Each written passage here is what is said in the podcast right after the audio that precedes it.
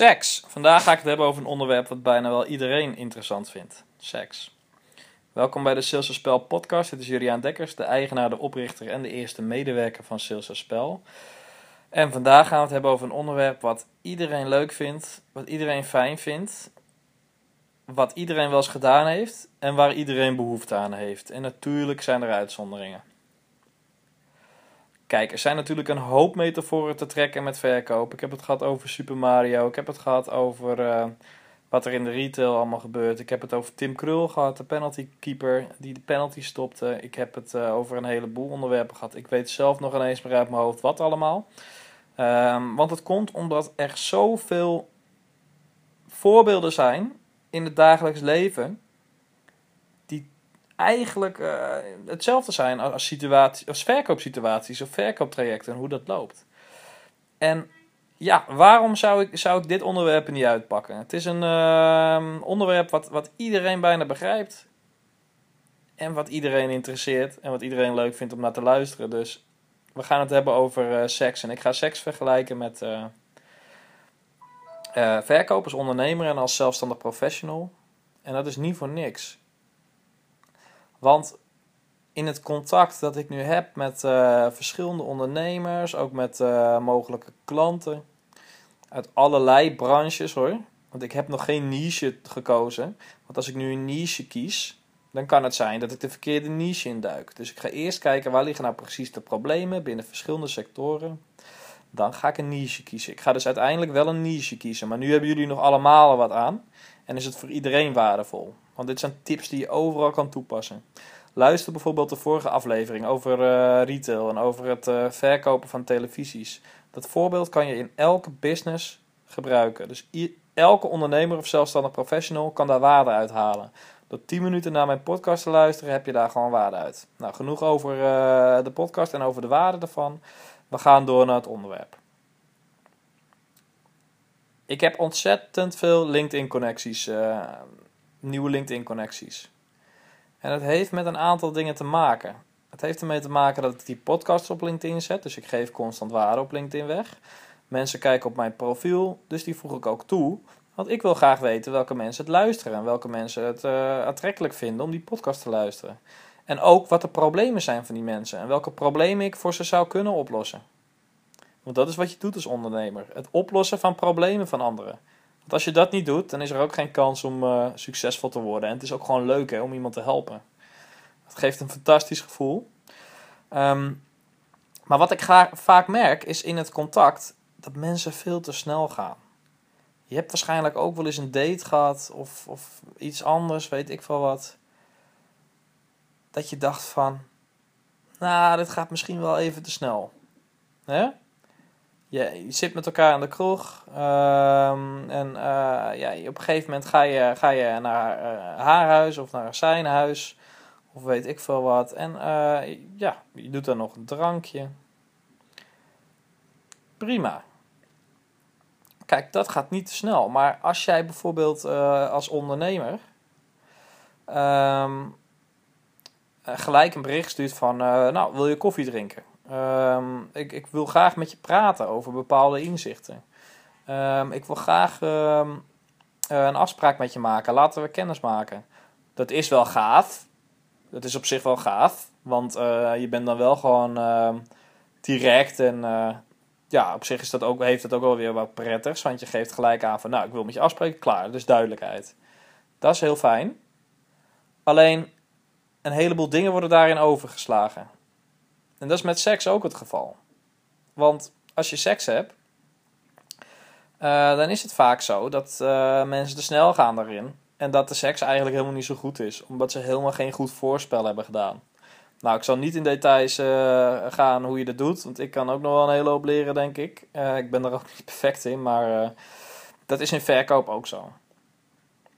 Kijk, als jij gelijk om een afspraak vraagt of iets, dat is een hele grote investering voor die andere. En die andere heeft er nog helemaal geen feeling bij.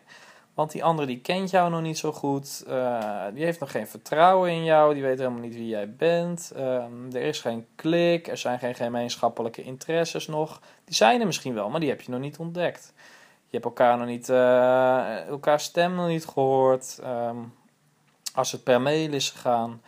Uh, je weet helemaal niet waar iemand nu mee bezig is. Misschien is iemand wel heel druk en is er gewoon even geen tijd. Of misschien is er helemaal geen overlap uh, in de businesses en heeft het helemaal geen zin om af te spreken en lukt het toch niet.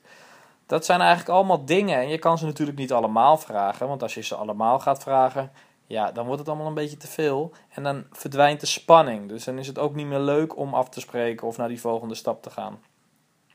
Maar je kan wel eerst een beetje aanvoelen door een aantal vragen te stellen of heel langzaam het contact te leggen. Um, heeft het ook echt zin om die afspraak te maken? Heeft het ook echt zin om koffie te drinken?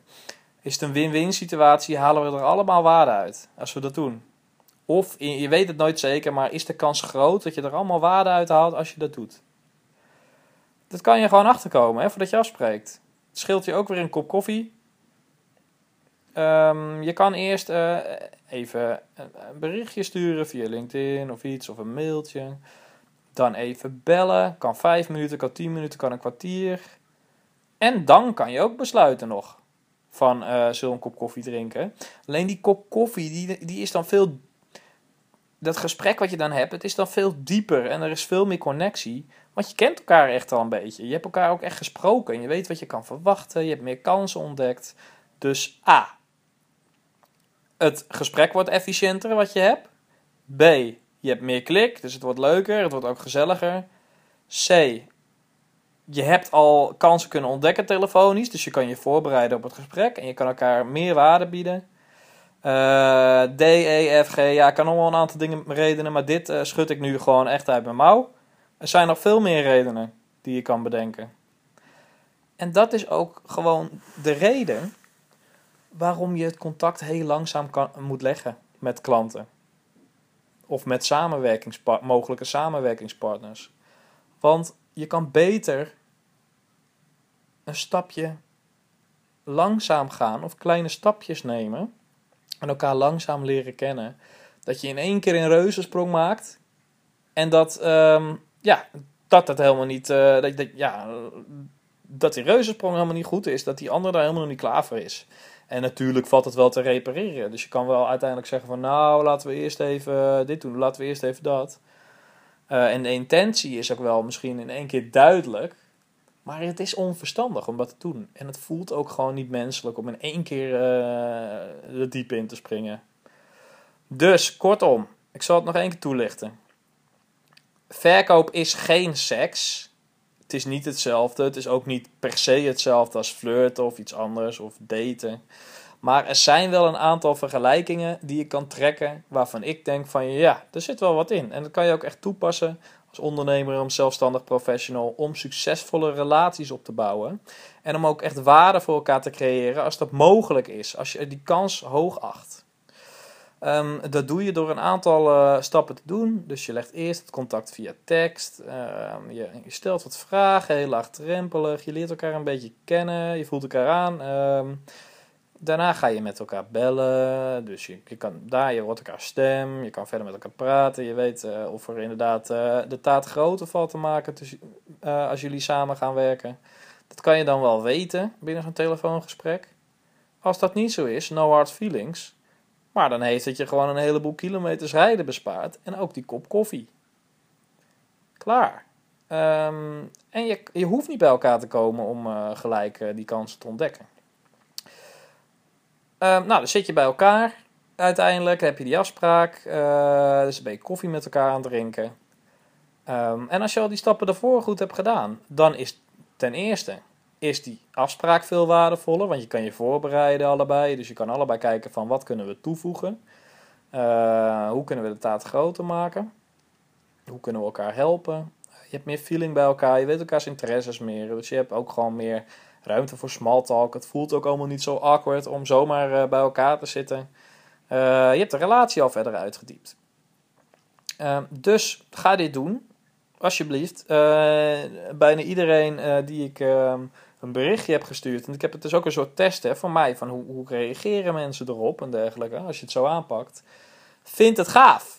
Bijna iedereen vindt het gaaf op die manier. Ik stuur ze ook gewoon mijn uh, podcast. Hè, van kunnen ze ook van uh, hier heb je alvast wat tips. Kan je ook horen wie ik ben en wat ik doe. Ze vinden het allemaal gaaf.